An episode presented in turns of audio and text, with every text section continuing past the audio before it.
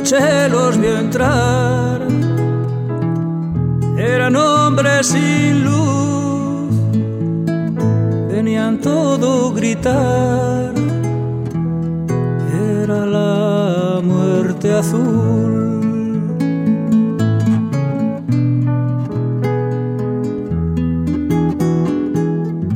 Lamberto, su padre fue fusilado, su hermana Maravillas eh, fue violada y posteriormente asesinada. Usted a la hora de recordar estos hechos un poco sufre dos veces, pero aunque usted dice que mejor es recordar que olvidar. Sí, es muy difícil olvidar y perdonar, porque esto es muy doloroso y lo que nos hicieron pasar durante todo el calvario que hemos pasado, eso es imperdonable. Esto le ocurrió, le ocurrió en La Raga. ¿Qué pasó después? En La Raga y en Pamplona, porque mi madre al año de matar a mi padre nos trajo a, a Pamplona y fue un calvario. ¿Pero qué pasó aquella noche? ¿Qué recuerdos tiene usted en La Raga?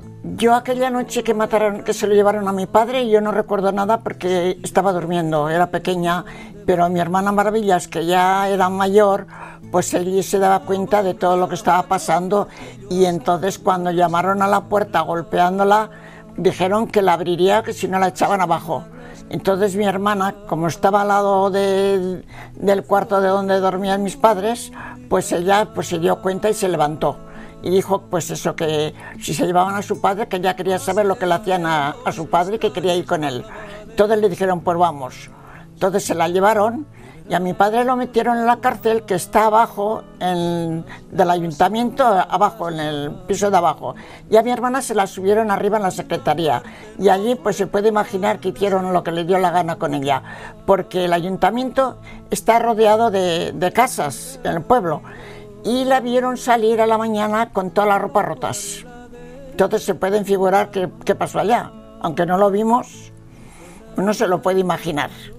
O sea, violaron a su hermana y luego la, la mataron. Sí, luego se la llevaron con mi padre, pero a mi padre le vieron, no sabemos si lo mataron antes o después, pero allí volvieron a hacer otra vez todo lo que les dio la gana, con todas las ropas rotas, la dejaron abandonada en un campo y allí pues se la comieron los perros porque los del pueblo dijeron que, que tuvieron que matar a los perros porque le faltaban los glúteos de las piernas. Y como echaba olor, pues la tuvieron que quemar. Los restos la tuvieron que quemar. Terrible. ¿Ustedes ha- han recuperado en alguna medida los cadáveres? ¿Le han dado No, su- nada, nada. Mi hermana fue quemada, violada y requemada. Y mi padre no sabemos ni dónde está, porque lo mataron en Ibicur de Yeri y parece ser que lo mataron en una acequia y la carretera lo ha tapado. Y no sabemos dónde está.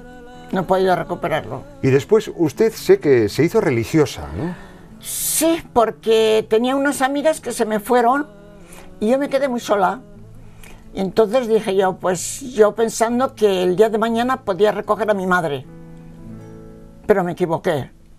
Y luego, claro, pues estás en que no quieres salir porque vas a dar un escándalo y que las habladurías, pues aquel tiempo eran terribles.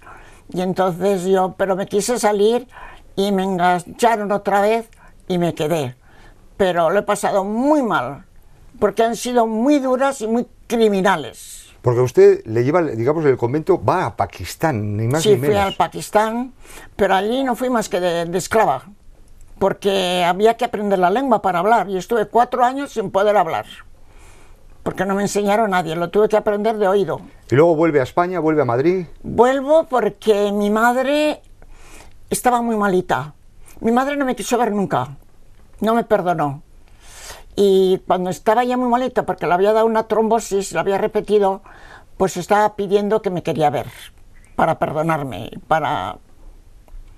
Pero ya se me hizo tarde, porque allí no te dejan salir si no estás vacunada y tienes que, para la, para tifoideas y para la malaria, te tienes que vacunar antes de no sacar ningún microbio y se me hizo tarde. Y llevaba tres días enterrada cuando yo regresé. Usted vive la misericordia. Y sé que usted es muy activa. ¿Qué hace usted? Eh, ayuda Ay, mucho. ayu- ayudo todo lo que puedo. Y estoy muy contenta porque eso es me da vida. Josefina Lamberto, después de lo que usted ha vivido, de los hechos tan terribles que ha tenido que soportar, un poco, ¿qué les diría, sobre todo a la gente joven? A la gente joven que miren un poco para atrás, que no se avancen tanto porque ellos no han vivido nada y que sean un poquito más comprensibles con, con los que vivimos todavía, que estamos aquí arrastrándonos. Maravillas, maravillas, florecica de la raga. Josefina, ¿qué recuerdo tiene usted de cuando escuchó por primera vez la canción que se dedicó a su hermana Maravillas por parte del cantautor navarro Fermín Valencia? ¿Qué recuerdo tiene de esa canción? Mucho, me da mucha paz. Por lo menos que tengan algún significado mi hermana que siendo tan, tan niña la hayan hecho tantas atrocidades. Me parece justo. Y cuando le hicieron la calle, yo no podía contener las lágrimas porque era muy duro. Muy duro.